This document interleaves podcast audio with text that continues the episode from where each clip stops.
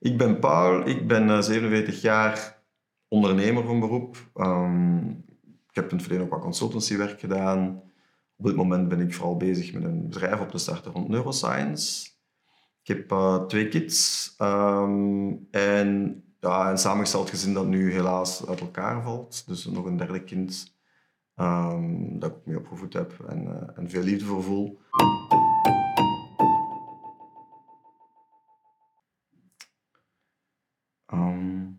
Waarde en normen is een heel breed begrip, vind ik wel. Um, ik vind in mijn leven waarde gelijk ja, eerlijkheid vind ik een, een heel belangrijk aspect. Um, vooral ook voor mezelf, omdat ik zelf het gevoel heb als je niet eerlijk door het leven gaat, dat je eigenlijk een soort figuur van jezelf maakt die eigenlijk niet de waarheid is en mensen gaan je tof vinden voor iets wat je niet zei of zo. En dan heb ik liever de confrontatie in een eerlijkheid en oprechtheid, waar je oprechte relaties bouwt met iemand, dan een soort fictieve wereld waar, dat, ja, waar dat een beeld opgehangen wordt dat eigenlijk niet bestaat of zo. Geluk is, um, is iets ook waar, dat je, waar ik veel naar op zoek ben geweest. En, en ik denk dat geluk ook op verschillende momenten in je leven ook andere dingen kan betekenen. Maar, um, maar ik had onlangs dat ik een interessante context rond geluk. En dat is wat uw, wat uw drijfveer is in uw, in uw leven. Dus die driver eigenlijk. En je hebt eigenlijk drie grote um, drivers in je leven. En eigenlijk wil je daar liefst een balans tussen vinden. Maar dus je hebt eigenlijk enerzijds pleasure of plezier. Het gewoon fun maken. De, ja, dat kan van alles zijn. Dat kan, voor sommige mensen is dat gaan eten in een sterrenrestaurant. Voor sommige mensen is dat basejumpen. Voor sommige mensen is dat whatever. Geluk. Uh, is, is plezier. Het tweede ding is, uh, is assertiviteit of agressie. Dat is uw positie in de, in de sociale groep. Weet je, er zijn mensen, ik wil, ik wil op de hiërarchische ladder staan, ik wil mijn eigen profileren. Dat stuk meer naar de, naar de sociale context toe.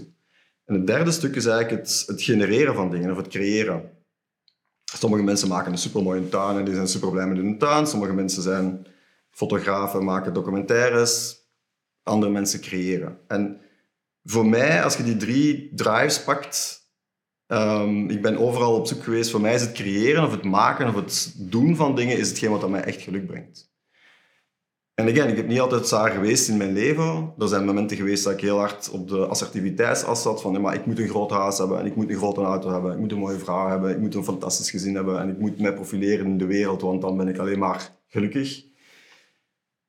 Dat is ondertussen niet meer zo voor mij. Voor mij is het echt wel, als ik dingen creëer of dingen maak of dingen in de wereld zet, dat zijn de momenten van geluk. En natuurlijk ben ik ook wel blij als je pleasure hebt, maar als je je, als je, je basis niet hebt, dan kun je gaan skiën met je vrienden en super ongelukkig zijn. Dus voor mij is creëren maakt mij gelukkig. Ik vind dat geluk altijd vanuit je eigen komt. Er zijn heel veel mensen zeggen van ja, de wereld is slecht, de wereld... Nee, alles zit in je eigen hoofd. In je volledige denken, je volledige kwaadheid, blijheid, geluk, dat is puur in je eigen mindset. Altijd. Dus hetgene, je hebt eigenlijk zelf controle of dat je kwaad of gelukkig of niet gelukkig bent. Dat is, dat puur hoe dat je naar de wereld kijkt, de dingen ontvangt en, en een. Het is niet mijn verantwoordelijkheid om, om iemand anders in principe gelukkig te maken. Ja, natuurlijk doe ik mijn best daarvoor. natuurlijk is dat bonus. Maar het is niet mijn verantwoordelijkheid in die of iemand anders echt gelukkig is. Ik denk geluk Goh, wacht, een moeilijke vraag. Ben ik altijd gelukkig of is dat heel stabiel? Ik, denk dat niet. Dat is niet een, een, constante. Ik denk dat is wel in mijn hoofd... ik probeer wel naar een soort constante rust te gaan. Natuurlijk zijn heel joyful momenten. Er zijn ook stressmomenten. Er zijn ook emotioneel moeilijke momenten. Um, maar ik ben wel in een moment gekomen in mijn leven dat ik wel het gevoel heb dat ik dat mijn leven sowieso, no matter what, nog heel mooie momenten gaat hebben. En, en die bedenking of die zekerheid bijna geeft mij wel een soort stabiliteit of een soort rust van, ja, er mogen heel slechte momenten komen, heel emotionele moeilijke momenten komen. It will be alright. Er komen sowieso nog heel fijne, toffe momenten. En dat, dat, dat geeft mij wel een soort stabiliteit en geluk of zo, denk ik.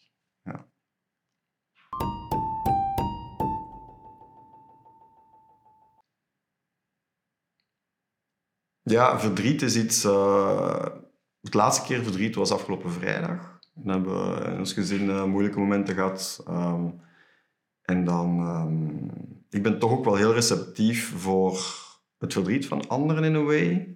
Om het zo te zeggen. Ik vind dat soms heel moeilijk als je zelf ook verantwoordelijk bent of mee verantwoordelijkheid zijt, voor iemand anders zijn emoties of zijn verdriet. En, en afgelopen vrijdag was zo'n moment. En, ja, dat heeft mij wel echt, echt gegrepen of zo. Ja. Ik vind dat je verdriet ook niet moet, moet plaatsen in een, in een verhaal van, van, van oneindigheid. En, en weet je, dikwijls, dikwijls gaat, gaat verdriet ook gepaard met dromen die kapot gaan, of toekomstvisies die verdwijnen, of, of dat soort zaken. Dat, daar, daar gaat veel, veel verdriet, denk ik, ook wel rond.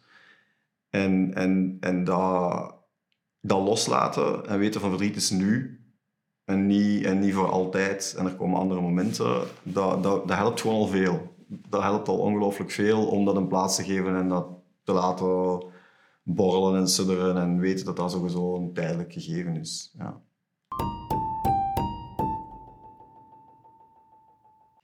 Ik, eh, ik ben oké met mezelf. Ik, heb, eh, ik vind mezelf oké. Ja. Ik heb dingen die oké zijn. Ik heb dingen waar ik onzeker over ben. Um, gelijk iedereen, denk ik. Ehm, ik vind mezelf in een way ook maar gewoon of zo. Ehm, en ook niet. Ja.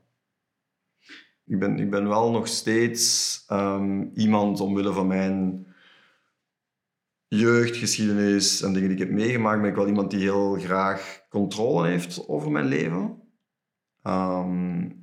En dat is iets, ik voel me heel oncomfortabel om dat los te laten. Ben wel iemand die permanent in battle is met mezelf om, om mezelf te verbeteren in, in, op een manier. Ik ben heel kritisch op mezelf. Ehm, ja, en dat, dat vertaalt zich soms ook wel naar, naar de mensen rondom mij. Omdat ik zelf iemand ben vanuit mijn identiteit van, weet je... Dat komt ook weer uit mijn jeugd en, en uit mijn leven van... Uh, you're never good enough. En ik moet altijd beter zijn. Vooral naar mijn eigen toe, voor mijn eigen waarde. Van, ik kan beter, dus ik moet beter. En dat is het gevaar, of, of mijn, mijn, mijn valkuil, om het zo te zeggen, is dat ik dat ook ergens bijna verwacht van mensen rondom mij of zo. Of dat ik dat heel hard respecteer als mensen zo zijn. En als mensen dat niet hebben, dat ik daar mijn bedenkingen soms bij. Wat dat misschien ook niet helemaal terecht is, want iedereen zit in zijn leven op zijn plaats. Maar ik merk wel van mezelf dat ik dat, ik dat meedraag of zo. Dus ja, ben ik tevreden over mezelf? Ik zou zeggen nee. Um, maar dat is op zich ook niet heel erg of zo.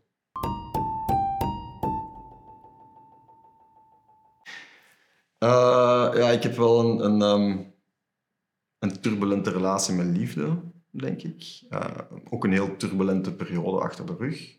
Rond liefde en rond zoeken naar wat, is, wat betekent liefde. Um, en ik ben zelf, denk ik nu maar pas het laatste jaar, echt in in ontdekking van wat een liefdesrelatie eigenlijk echt betekent. Um, dat ik denk dat ik de, liefde, de liefdesrelaties die ik ingevuld heb in het verleden en de manier waarop ik dat invul, dat dat, dat dat allemaal een beetje op losse schroeven begint te staan. En dat ik door de dingen die ik heb meegemaakt, um, ja, daar toch wel diep over nagedacht hebben van wat, wat betekent liefde eigenlijk echt voor mij? Of wat, wat, wat, is dat eigenlijk juist? empathie vind ik wel een belangrijke bijvoorbeeld. Um, of iemand die, die de,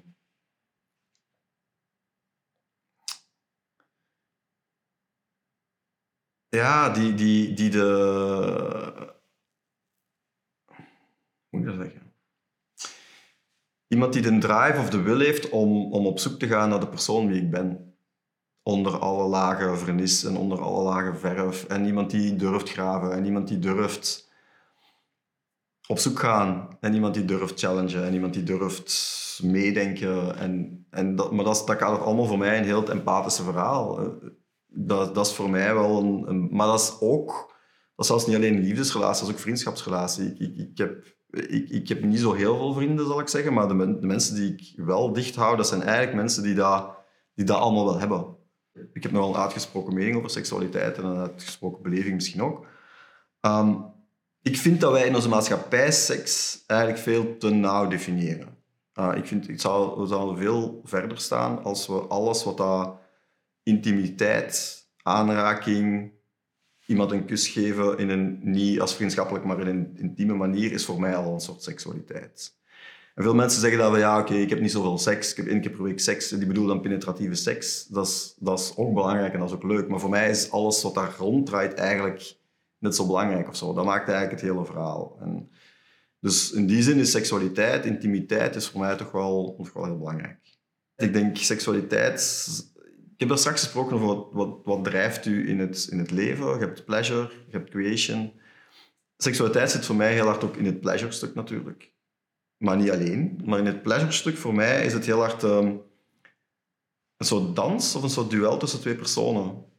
Dat, dat super fijn is. En again, dat is vandaar dat ik ook zeg van heel, heel het intimiteitsverhaal voor mij is, is niet puur de, het penetratieve stuk, maar is alles daar rond. En de dynamiek tussen twee personen en de dans die je samen voert, dat, dat, is super, dat is super boeiend en super interessant en heel fijn om te doen. Dus energie haal ik vooral uit mezelf. Ik ben iemand die introvert is op dat gebied. Ik haal niet mijn energie uit andere mensen. Ik haal energie vanuit dingen die ik zelf doe. Dus dat, dat is het eigenlijk voornamelijk. Ehm, en dat kan zijn door bevestiging van dingen die ik creëer. Zoals ik daar straks zei, van, uh, we gaan wetenschappelijk onderzoek doen, ik krijg daar resultaten van binnen en ik vind dat geweldig. Dus dat, dat geeft mij een boost. Maar dat is natuurlijk niet elke dag. Je hebt niet elke dag externe factoren die je zo omhoog tillen of zo. Dus dan is het heel hard... Uh, ja, je interne drive en je interne discipline misschien uh, om dingen te doen. En, en ja, voor mij kan dat zijn van oké, ik probeer echt heel regelmatig te sporten. Dat is niet altijd met heel veel plezier. Maar het dan wel doen, en ook al is dat dan niet de beste sportsessie, maar er wel staan en er wel naartoe gaan, dat geeft mij ook wel een soort energie. Ja, bevestiging van mezelf of een soort van, oké, ja.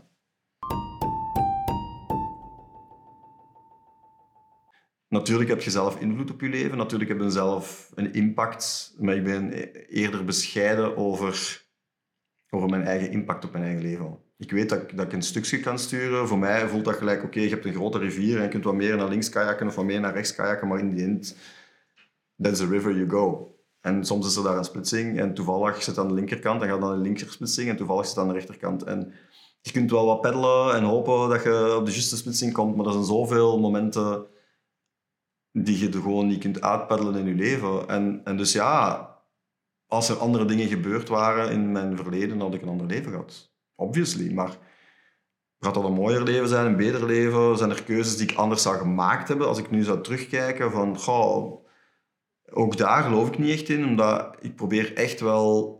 En ik geloof ook oprecht dat ik al de keuzes in mijn leven gemaakt heb met de informatie die ik toen had en de emoties die ik toen had, dat dat de enige manier was dat ik dat kon kiezen ook. De, de beste beslissing in mijn leven, als ik er even over nadenk, uh, voor mij, ik kan dat wel plaatsen eigenlijk, is um, een jaar gaan studeren in Canada op mijn eentje. Ik kwam uit een, uh, uit een gezinssituatie uh, die nog turbulent was. En dat was eigenlijk een eerste moment om echt in een vreemd land, ver weg van iedereen, op je eigen benen te staan. En dat heeft mij echt wel op weg gezet in de persoon wie ik nu nog altijd ben. En dat, het, het echt losstaan op u, op u, ja, ik was, dat was na mijn studies, ik had al een jaar op kot, ah, ik had al vijf jaar hier in Antwerpen gestudeerd, dus ik had al wel een beetje autonomie, maar dat is toch nog niet hetzelfde als in een ander land, een nieuwe opleiding, andere taal, andere sociale zekerheid, doktersysteem, weet ik veel. Alles gewoon zelf moeten doen dat, heeft mij wel getekend of zo. Ik ben behoorlijk cynisch over, over de wereld. En mijn wereldbeeld is heel, heel erg cynisch.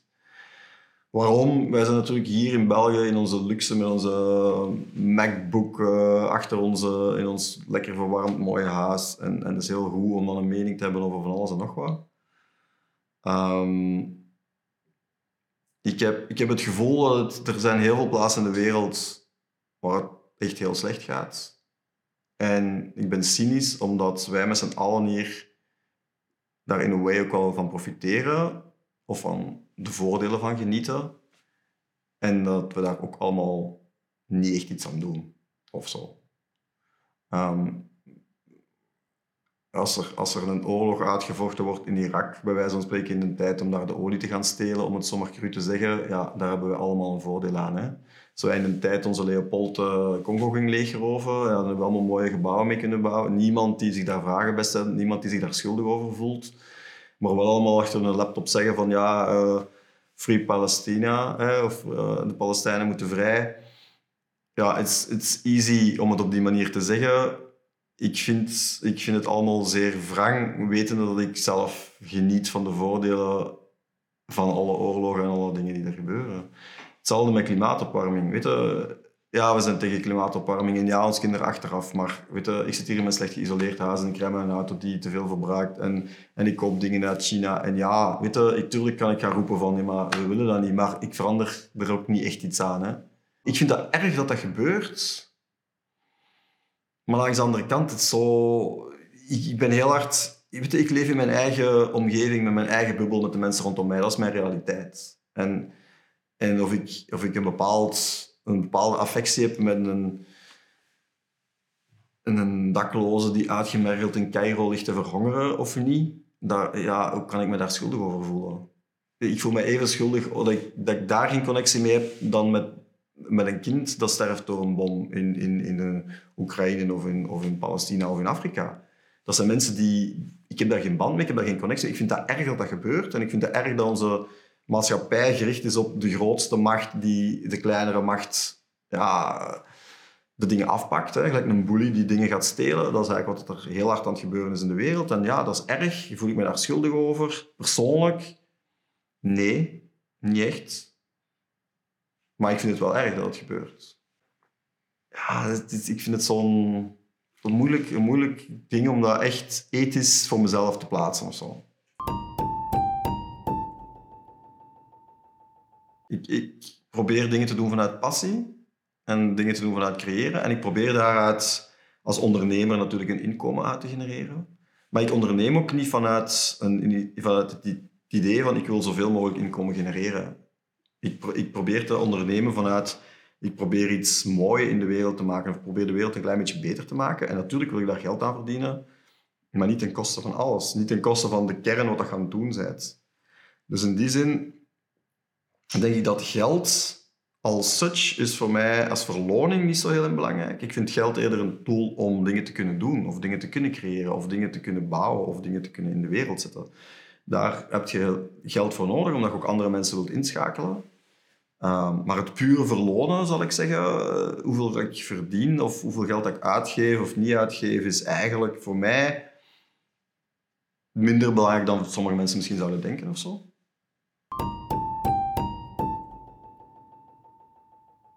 Alle kinderen hebben dromen, of alle mensen hebben dromen, zal ik zeggen, maar kinderen zeker. En kinderen hebben wat grote dromen.